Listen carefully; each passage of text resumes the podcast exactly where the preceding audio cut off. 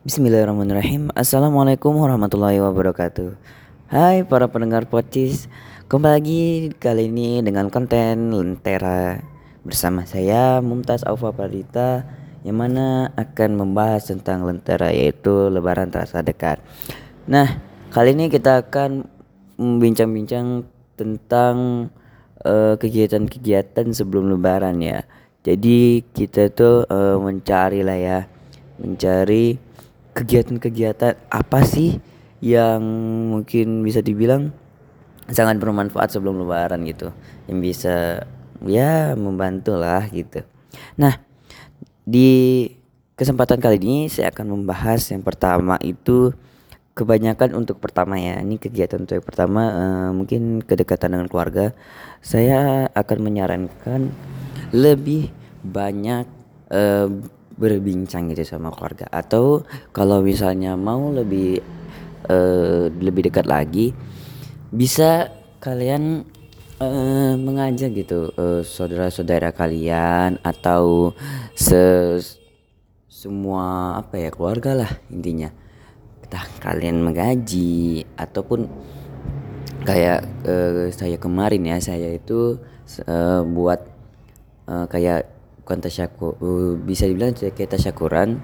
Itu kayak uh, bersolawat terus di situ uh, ada ceramahnya.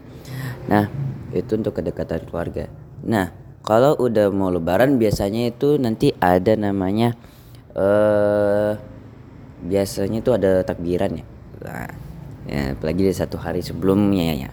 Nah biasanya kalau udah lebaran itu ya orang udah pada wah gitu kan udah uh, wah keren banget nih lebaran. Wah ini pasti farming uang bisa dapat banyak uang banyak. Itu pasti pikiran orang. Tetapi di sebalik itu di lebaran ya banyak sih manfaatnya. Ya salah satunya menyambut silaturahmi eh, terus memperdekat mempererat eh, ke ikatan keluarga. Yang mana dulu mungkin di keluarga sempat ada uh, ya miskom ataupun ya sempat bertengkar atau gimana gitu kan. Karena di hari yang fitri itu banyak sekali uh, keajaiban-keajaiban yang terjadi. Nah makanya sebelum itu kan ada namanya malam malam Lailatul Qadar. Malam Lailatul Qadar ini uh, jangan disia-siakan karena uh, malam seribu bulan mana yang malam yang lebih baik dari seribu bulan. Eh ya gitu mungkin. Jadi kita jangan apa ya karena di sini kalau misalnya kita beribadah di sini kita uh, bisa menggandakan pahala. Pahala kita tuh berlipat-berlipat ganda.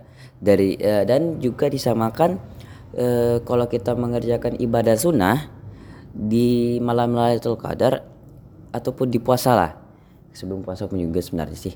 Uh, kita sama dengan uh, melaksanakan uh, apa namanya ibadah-ibadah wajib.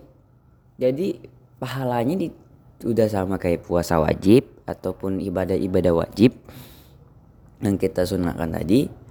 Uh, terus dilipat gandakan lagi apa nggak luar biasa banget kan?